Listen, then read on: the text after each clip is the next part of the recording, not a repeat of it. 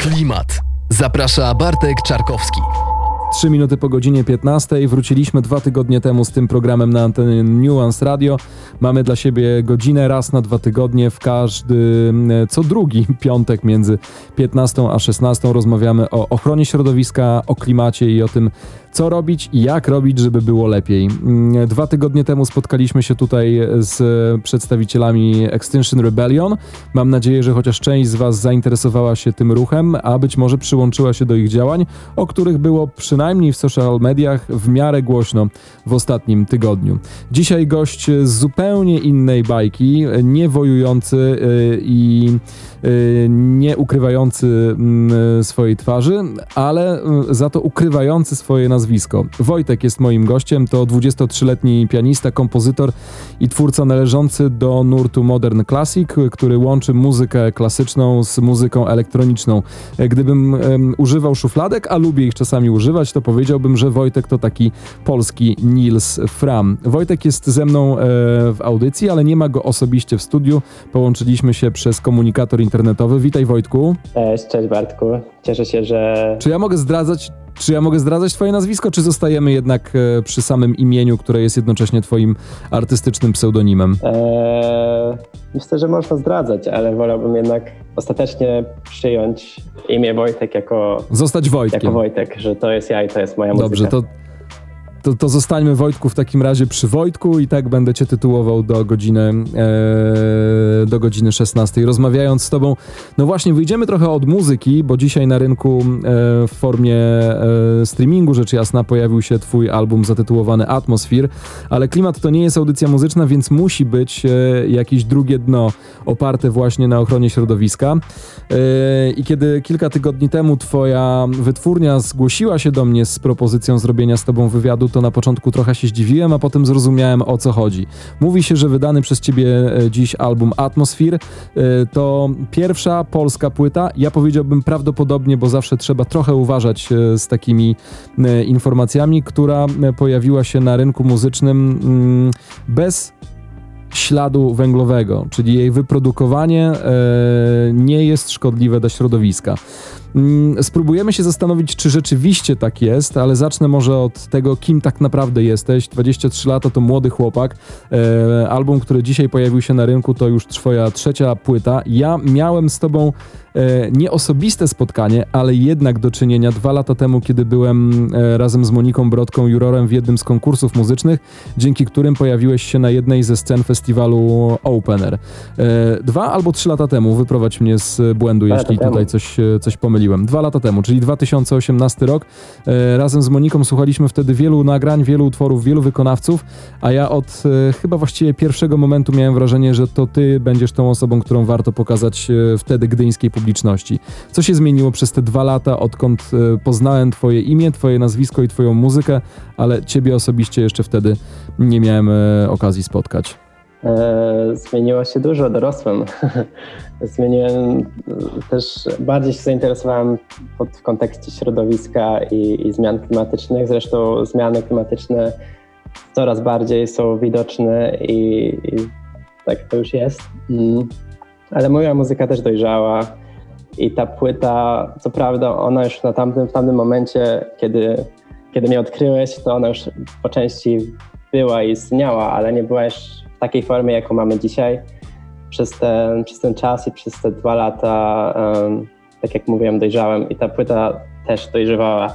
Trochę porównuję trochę tą płytę jak, jak czerwone dobre wino wytrawne, które powstaje w pewnym momencie, a później um, leżakuje, leżakuje po to, aby dojrzeć i, i tak samo jest właśnie z tą płytą ale no, dwa lata temu byłeś e, zaledwie dwudziestolatkiem, aż nie chce mi się wierzyć, że tak dorosłe dźwięki e, mogły już się w twojej głowie e, pojawiać, tak dorosłe i dojrzałe właściwie to będzie, e, to będzie lepsze słowo. Mm, to, to, to to, to, połączenie elektroniki z muzyką klasyczną, ty jesteś e, klasycznie wykształconym pianistą, czy, yy, czy samoukiem domowym? pół na pół, ale bardziej samoukiem. Um, rzeczywiście. No to ciekawe, jak można być pół na pół samoukiem e, i klasycznie wykształconym muzykiem? Um, ponieważ nie uczęszczałem do szkoły muzycznej ani do akademii, ale bardzo zainteresowałem się muzyką i też tą właśnie muzyką poważną, klasyczną, więc e, zdobyłem tą podstawową wiedzę, szczególnie wiedzę techniczną, ale też harmonię, ponieważ miałem indywidualne zajęcia e, fortepianu i, i, i no, zostałem nauczony po prostu tej, tej bazy i tej, tego fundamentu po to, aby później tworzyć własną muzykę. Więc no, ale nie mam tej takiej, nie mam papierku. A zacząłeś się interesować, to ile lat miałeś, kiedy pierwszy raz y, usiadłeś przy, e, e, przy fortepianie? E, 14 lat miałem, czyli... Nie, nie, to zazwyczaj przyjmuje się, że trochę późno, czy... Tak, dokładnie. No to jest trochę, trochę późno, ale u mnie to w rodzinie było tak, że, że moja siostra i mój brat zostali posłani do szkoły muzycznej i oboje po paru latach stwierdzili, że już nie z niej zrezygnowali, jak i sądzę. powiedzieli, że już nie chcą mieć nic do czynienia z muzyką, że chętnie będą słuchać muzyki, ale nie będą jej tworzyć ani, ani grać. No rodzice... A tobie dano wolną rękę i pozwolono ci nie iść do szkoły muzycznej, a ty się po prostu sam zainteresowałeś, czyli generalnie stało się tak, jak powinno być e, w momencie zainteresowania się muzyką. Nie tylko, ja nawet cisnąłem moich rodziców, że ja chcę iść do szkoły muzycznej i to koniecznie, ale moi rodzice... Ale oni już mieli dość rezygnacji przez twoje, przez, przez twoje rodzeństwo. Oni powiedzieli, że nie, że nie, że zmarnujesz swój talent. No i pociągnąłem to po prostu samemu. No to jeżeli ma się pasję, to się po prostu idzie do przodu i, i tak to jest. Czego słuchałeś, e, będąc tym 14-15-latkiem, który zasiadał e, po raz pierwszy przy instrumencie i zaczynał grać, nie wiem, dla swoich rodziców e, w Wigilię albo dla swojej rodziny w jakieś świąteczne dni? E, bardzo lubiłem swego czasu Ludovico Einaudi. To jest taka, nie wiem czy kojarzysz, być może. E, to jest taka piano solo, sam fortepian, ale bardzo łatwo dostępna muzyka, właśnie modern classic, ale też taka łatwa i przyjemna dla ucha, bez jakichś super skomplikowanych harmonii, czy e, nie jest przekombinowana. I, i myślę, że to jest, jest coś prosta i dobra na, na początek, na start, żeby zainteresować się muzyką i zacząć też tworzyć i komponować. Jeździłeś też na desce. To e, od razu rodzi takie skojarzenie, że powinieneś być e, młodym chłopakiem, który ma jednak do tej deski także e, rozwiązania muzyczne pod postacią rapu, hip-hopu, breakdance'u. Takie rzeczy się pojawiały w, w twoim młodym życiu, czy wracałeś z deski i wskakiwałeś od razu na stołek przy fortepianie? no, dużo rzeczy przeżyłem w sumie w tym czasie. Ja zacząłem jeździć na deskorolce, jak miałem 7 lat, więc to było jeszcze, jeszcze dużo wcześniej. I wtedy rzeczywiście miałem skatebooty, szerokie spodnie, słuchałem rapu na słuchawkach i skateowałem na skateparku z ziomeczkami.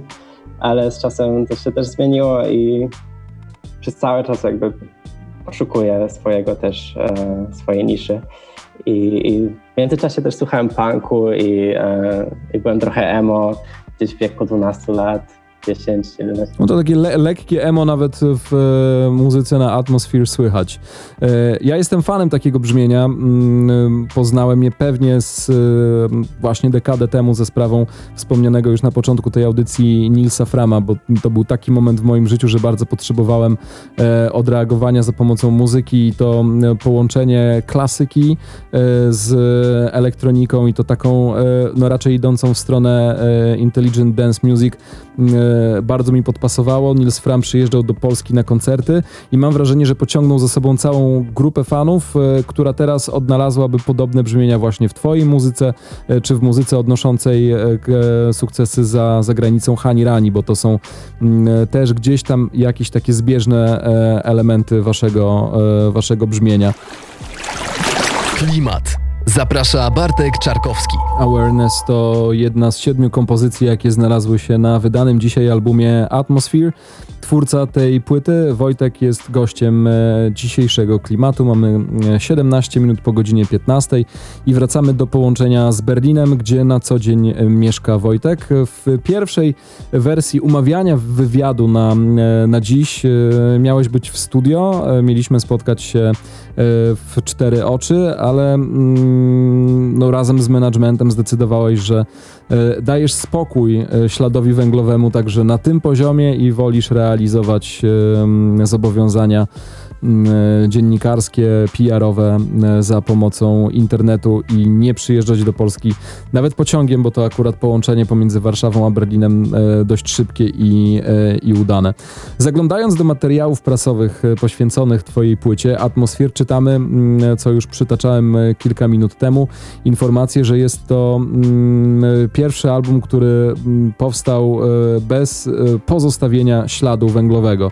Czym jest ślad węglowy? No to pewnie większość z nas e, wie, nie trzeba e, nie trzeba przypominać e, i, i, i też, znaczy czym jest ślad węglowy, nie trzeba przypominać o tym, że powinniśmy go redukować, zwłaszcza do końca tej dekady, to akurat trzeba wręcz krzyczeć, a sama koncepcja śladu węglowego wykracza poza E, samo użycie e, energii elektrycznej przez produkty i obejmuje e, emisję gazów cieplarnianych przez cały cykl życia produktu.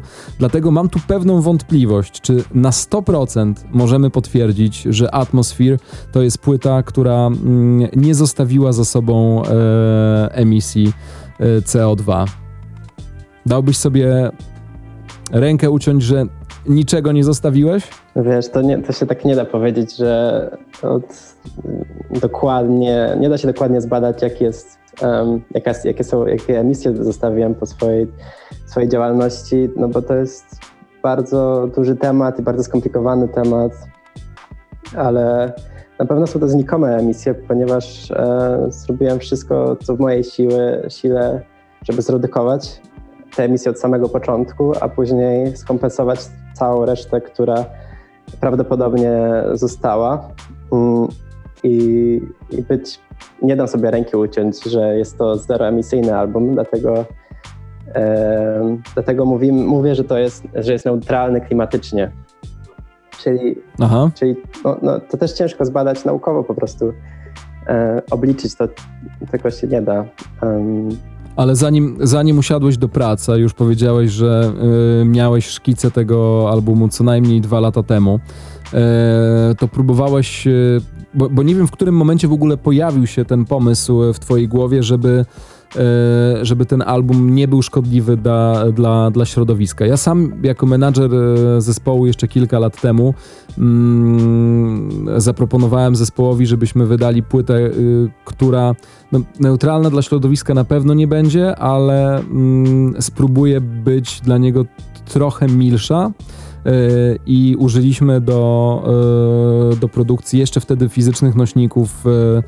Bardzo zależało nam na, e, na plastiku, który mm, powstał z przerobienia. E, po, po, po biodegradacji. Niestety nie udało się tego zrobić, bo żadna z firm produkujących opakowania do płyt CD nie chciała się podjąć takiego, e, takiego zadania, mówiąc, że no, nie dadzą sobie ręki uciąć za jakość tego plastiku i za, za wykonanie. E, dlatego stworzyliśmy po prostu pudełka biodegradowalne. No to było takie pur, purrysowe zwycięstwo. Fajnie byłoby, gdyby, mm, gdybyśmy użyli po prostu plastiku z recyklingu. Nie powiodło się Natomiast mieliśmy jakiś, jakiś pomysł od samego początku. W Twojej głowie kiedy pojawił się pomysł, że chcesz nagrywać płytę, która mm, w fazie produkcji y, nie dotknie planety? Um, pomysł pojawił się trochę później niż e, pojawiła się płyta. Pomysł pojawił się wtedy, kiedy zacząłem myśleć nad formą i rzeczywiście zaistnieniem tej płyty na świecie. W jakiej formie powinna ona wyglądać, jak powinienem do niej podejść, żeby ten dźwięk, nagrany dźwięk był e, zeroemisyjny, bardzo niski. I tak na przykład na, nagrana została ona w, w studio w Londynie, które korzysta z energii odnawialnej. Um, część śladów, została, samo pianino zostało tam nagrane, część śladów została nagrana u mnie w moim małym studiu tutaj w Berlinie, które też jest napędzane energią, zieloną energią, ale były pewne Także to jest, twoje, to jest twoje prywatne studio, czy dzielisz je z innymi artystami? To jest moje domowe studio. prywatne domowe mhm. studio. Um, to co oznacza, że jest napędzane, do, że jest napędzane zieloną energią? To znaczy, że jest, mam umowę z, z dostarczycielem energii na 100% zieloną energię. W dodatku jest to energia z elektrowni wodnych, więc Mówisz o takim dostarczycielu energii e, elektrycznej, tak? Czyli e, firma, która mm, do twojego berlińskiego domu, pewnie berlińskiej kamienicy, po prostu dostarcza e, albo energię tradycyjną, tą węglową, albo nieco droższą, z którą się którą pozyskuje się odnawialnymi źródłami energii. Dokładnie. No, w Niemczech to jest dość łatwe, zresztą w Anglii też żeby, żeby podpisać umowę z dostarczycielem energii na, na energię tylko zieloną, bo jest, jest dużo, dużo firm, które to proponują i, i to nie jest dużo droższe też, to nie jest jakieś ogromne ceny, może są trochę droższe, ale wtedy też się ma czyste sumienie, że się korzysta z, z dobrej energii, z odnawialnej energii i tak tutaj też robię. Płyta była nagrywana w Baltic Studios e, w Londynie. Czy możesz opowiedzieć, jak z kolei e, wygląda współpraca z miejscem, które również napędza się wyłącznie mm, energią ze źródeł odnawialnych? Współpraca wygląda podobnie jak w każdym innym studiu. Nie, myślę, myślę właśnie o tym, mhm. jak wygląda praca w studiu z energią odnawialną. Czy tam są jakiekolwiek różnice wobec takiego tradycyjnego studia, e, albo jakieś zakazy, nakazy, ktoś, kto pilnuje tego, żebyś kubek odłożył po kawie w odpowiednie miejsce, e, ktoś, kto wyłącza światła, może w ogóle e, panuje nad tym sztuczna inteligencja. Gdybyś tak nas oprowadził po, po studiu korzystającym wyłącznie wyłącznie z e, energii odnawialnej? To studio działa stosunkowo tak, tak samo jak każde inne studio, tylko że też ma umowę e, z swoim dystrybutorem, e, z dostawcą na energię zieloną.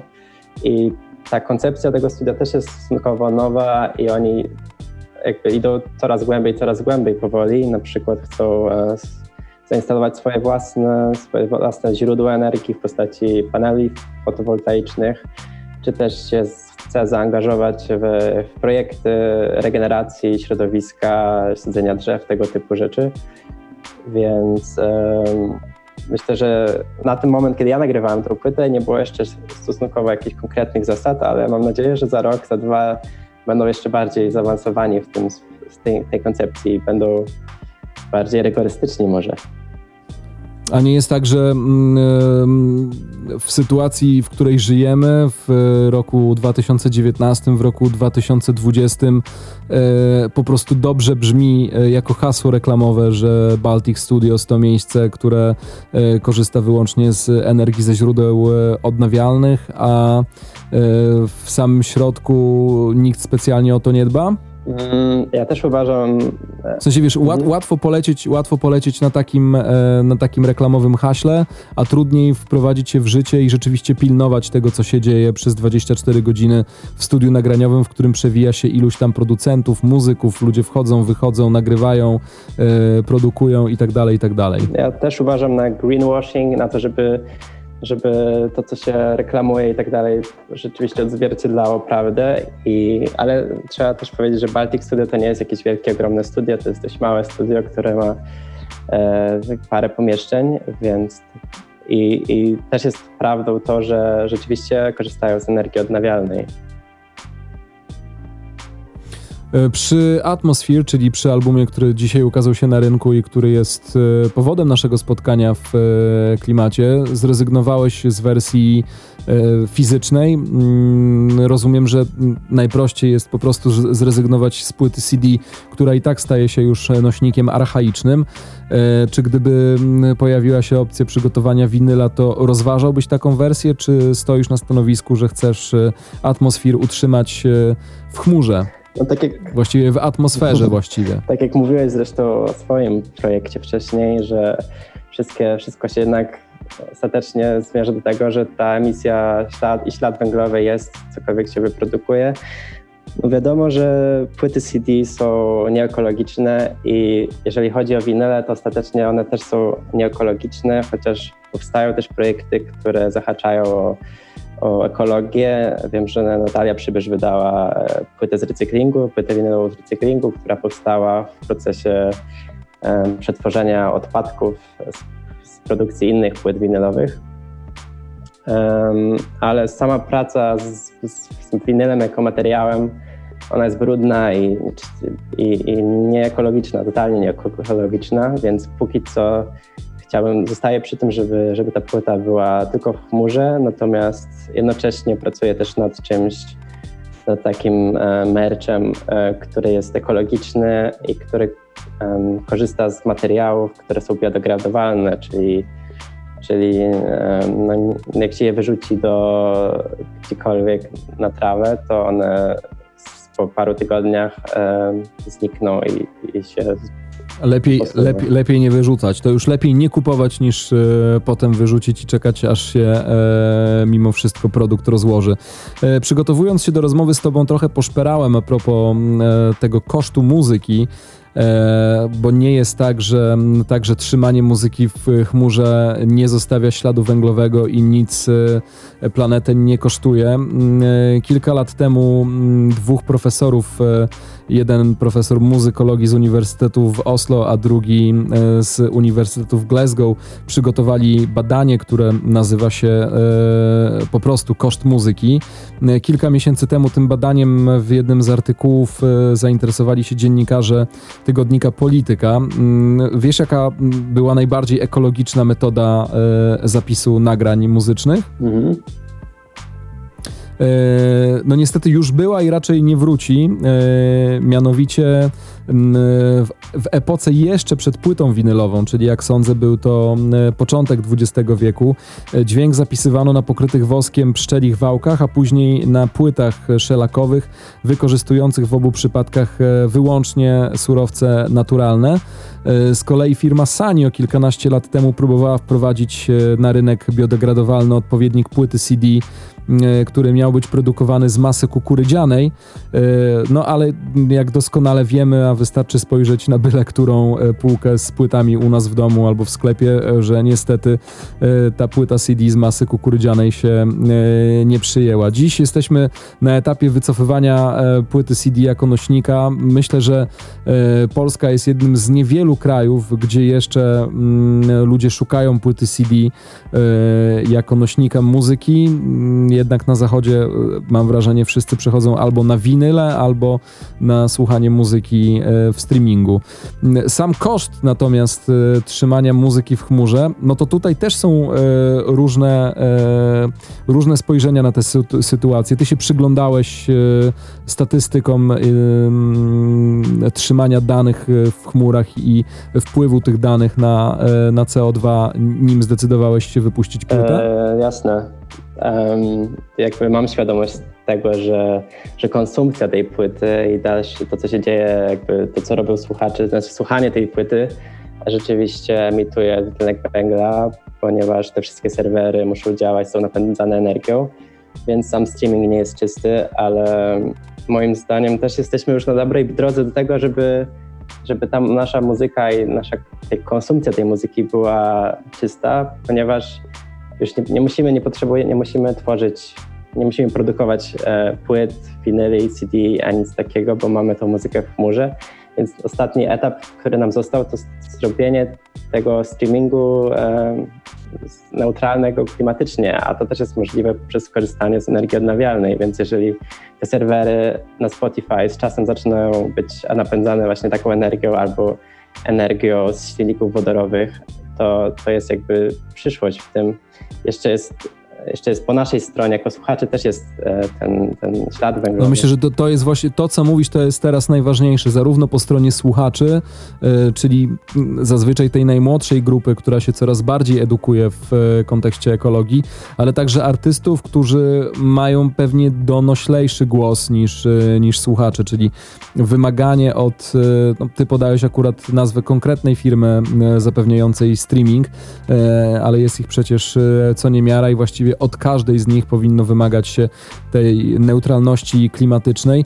E, tutaj też badania pokazują różne, e, różne wyniki. Ja dotarłem do, do informacji, że przechowywanie danych e, to tylko niewielka część corocznego śladu węglowego i centra danych wykorzystywane przez użytkowników internetu zużyły, no to są co prawda stare badania, bo z roku 2015.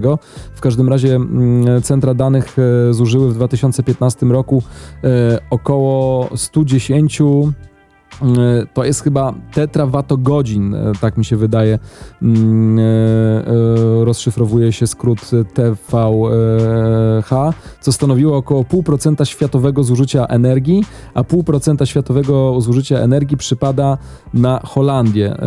Ten kraj zajmuje 32 miejsce pod względem zużycia energii elektrycznej. Ale jeśli cofnę się do tego artykułu z tygodnika Polityka, który również traktował o Mm, e, koszcie przechowywania muzyki w, w chmurach, no to tutaj te wyniki są chyba troszeczkę gorsze. E, energia potrzebna do podtrzymywania i obsługi gigantycznych banków danych, a także serwerów, dzięki którym możemy słuchać muzyki praktycznie w dowolnym miejscu, wykorzystuje przynajmniej częściowo paliwa kopalne, czyli węgiel albo gaz, a energia potrzebna, by zasilić tu tylko amerykańskie zasoby muzyki cyfrowej, doprowadza do emisji szkodliwych gazów, E, którą autorzy tego raportu Koszt Muzyki e, szacowały w roku 2016 na 200 do 350 nawet milionów e, kilogramów dwutlenku węgla. I było to więcej niż produkcja i obrót płytami CD w szczycie kariery tego nośnika, czyli E, pod koniec e, ubiegłego wieku. Także mm, to jest coś, co możemy traktować zbyt frywolnie i wydaje nam się, że jak włączymy sobie e, ulubiony serwis streamingowy, w nim swoją ulubioną płytę, założymy słuchawki, to właściwie jesteśmy neutralnie ekologicznie, jeśli w ogóle myślimy o takich kwestiach, bo od tego zacznijmy, ale jak trochę poskrobać, to okaże się, że aż tak idealnie nie jest. Klimat. Zaprasza Bartek Czarkowski. To audycja Klimat, Nuance Radio do godziny 16. Rozmowa z Wojtkiem i muzyka z jego najnowszej płyty zatytułowanej Atmosphere, której możecie posłuchać dzisiaj, e, jutro, ale no jest już po prostu dostępna e, na razie wyłącznie w serwisach streamingowych i raczej tak pozostanie, bo to płyta, która stara się być e, neutralna, jeśli chodzi o produkcję, e, neutralna klimatycznie. Wojtku, ponownie jesteśmy u Ciebie w Berlinie. Płyta wyprodukowana, płyta nagrana. Zakładam, że musiałeś jednak w jakiś sposób dotrzeć do Londynu, gdzie w Baltic Studio zarejestrowałeś ten e, materiał, co też pewnie e, swój ślad węglowy zostawiło. Trochę jestem złośliwy. Mm, natomiast wiadomo, że artyści po wydaniu płyty myślą przede wszystkim o koncertowaniu i o pokazaniu jej zagraniu na żywo i pokazaniu się przed publicznością. Ty rozważasz zrezygnowanie z koncertów? Czy jednak pokusa spotkania się z e, żywą publicznością jest silniejsza? Mm, oczywiście, że, że kocham koncertować i, i, ciężko mi byłoby z tego zrezygnować. Um, ja to, to będzie, to jest moje następne wyzwanie. Po produkcji płyty wyzwaniem będzie właśnie jak koncertować z neutralnym śladem węglowym, totalnie minimalnym, ale już koncertując rok temu czy dwa lata temu, miałem to, brałem to pod uwagę i na przykład jeździłem na koncerty pociągami prawie w 90%, ale też trzeba mieć świadomość i nie wiem, czy sobie, czy o tym wiesz, ale na przykład największe emisje podczas koncertów, koncertowania nie generuje artysta, ale właśnie publiczność i, i widzowie, którzy muszą dojechać na to miejsce, dojechać do tej sali koncertowej i najczęściej jest to samochodami I... No, nie od dziś wiadomo, że generalnie największym szkodnikiem w przemyśle muzycznym są przede wszystkim festiwale. E, mimo, że coraz bardziej zielone, to jednak e, no, nie da się uciec od e, zaproszenia artystów, co zostawia ślad węglowy, potem zaprezentowania się na scenie, a publiczność zjada, pije, ogląda i przy okazji festiwali podróżuje także po całym świecie, więc no, jasne jest to, że z festiwalami klimatycznie nie wygramy, nawet jeśli wprowadzają takie udogodnienia jak wyłącznie dieta wegetariańska, jak chociażby, nie wiem, na festiwalu Way Out West e, w Szwecji, w Göteborgu, gdzie nie ma po prostu stoisk z, mm, z potrawami mięsnymi, e, gdzie używa się wyłącznie sztućców i e, zastawy, którą da się z, zrecyklingować, albo rezygnuje się z plastikowych naczyń. Natomiast i tak zawsze zostaje ogromny ślad węglowy spowodowany podróżami i energią zużytą do E, do, koncertów. No to jak będzie z tobą, bo trochę, mm, trochę odeszliśmy tutaj od, e, od tematu. No bo żeby był koncert, to musisz być ty, ale musi być też ta publiczność. Tak. Um, no też nie jestem artystą z rangi, który może decydować za dużo, który rzeczywiście może decydować, jak ten koncert będzie, jak funkcjonuje dana sala koncertowa i organizatorzy i nie mogę mieć za bardzo wielkich wymagań do tego, że na przykład zagram tylko jeżeli koncert będzie napędzany energią odnawialną, więc na, na tym poziomie też nie mogę za dużo zaoferować, ale zrobię wszystko w mojej mocy, z mojej strony zrobię wszystko, żeby, żeby mój własny ślad węglowy był zerowy albo bardzo minimalny. Więc... A myślisz, że mamy, że mamy na świecie, bo, oczywiście słyszymy, ja w tej audycji także podawałem przykład y, i Radiohead, i Massive Attack, i Arcade Fire i można by tutaj przytoczyć także przykład y, Jacka Johnsona, y, który mieszka sobie na Hawajach, y, żyje tam od y, kilkunastu lat i też zaprzestał koncertowania, bo uważa, że jeśli festiwal albo sala koncertowa nie są w stanie mm, spełnić jego wyśrubowanych y, żądań ekologicznych, to po prostu tam nie występuje i zrezygnował z koncertowania. Uważasz, że są artyści, którzy będą mieli taką siłę e, i taką moc oddziaływania na mm, promotorów koncertowych, że to się rzeczywiście realnie zmieni i realnie odbije na, e, na zmniejszeniu śladu węglowego? No myślę, że, że, że tak, że artyści muszą cisnąć, że muszą jakby zmuszać też organizować, organizatorów do tego, w którą stronę powinni iść, a może bardziej też inspirować ich do tego, że jeżeli zrobią, jeżeli zrobią w ten sposób to będzie lepiej ekologicznie i zdrowiej i też mam nadzieję, że powoli taki trend się będzie stawał e, na świecie, że, że życie i ekologicznie i decyzje prośrodowiskowe będą po prostu cool. I, i taką, taką mam nadzieję. Od kilku miesięcy mieszkasz w Berlinie. Mm, e, byłeś tam też e, wcześniej przez rok. Można powiedzieć, że e, rzuca ci się w oczy niemieckie podejście do ekologii. To najpierw wąsko, czyli właśnie w tym przemyśle muzycznym najbliższym tobie.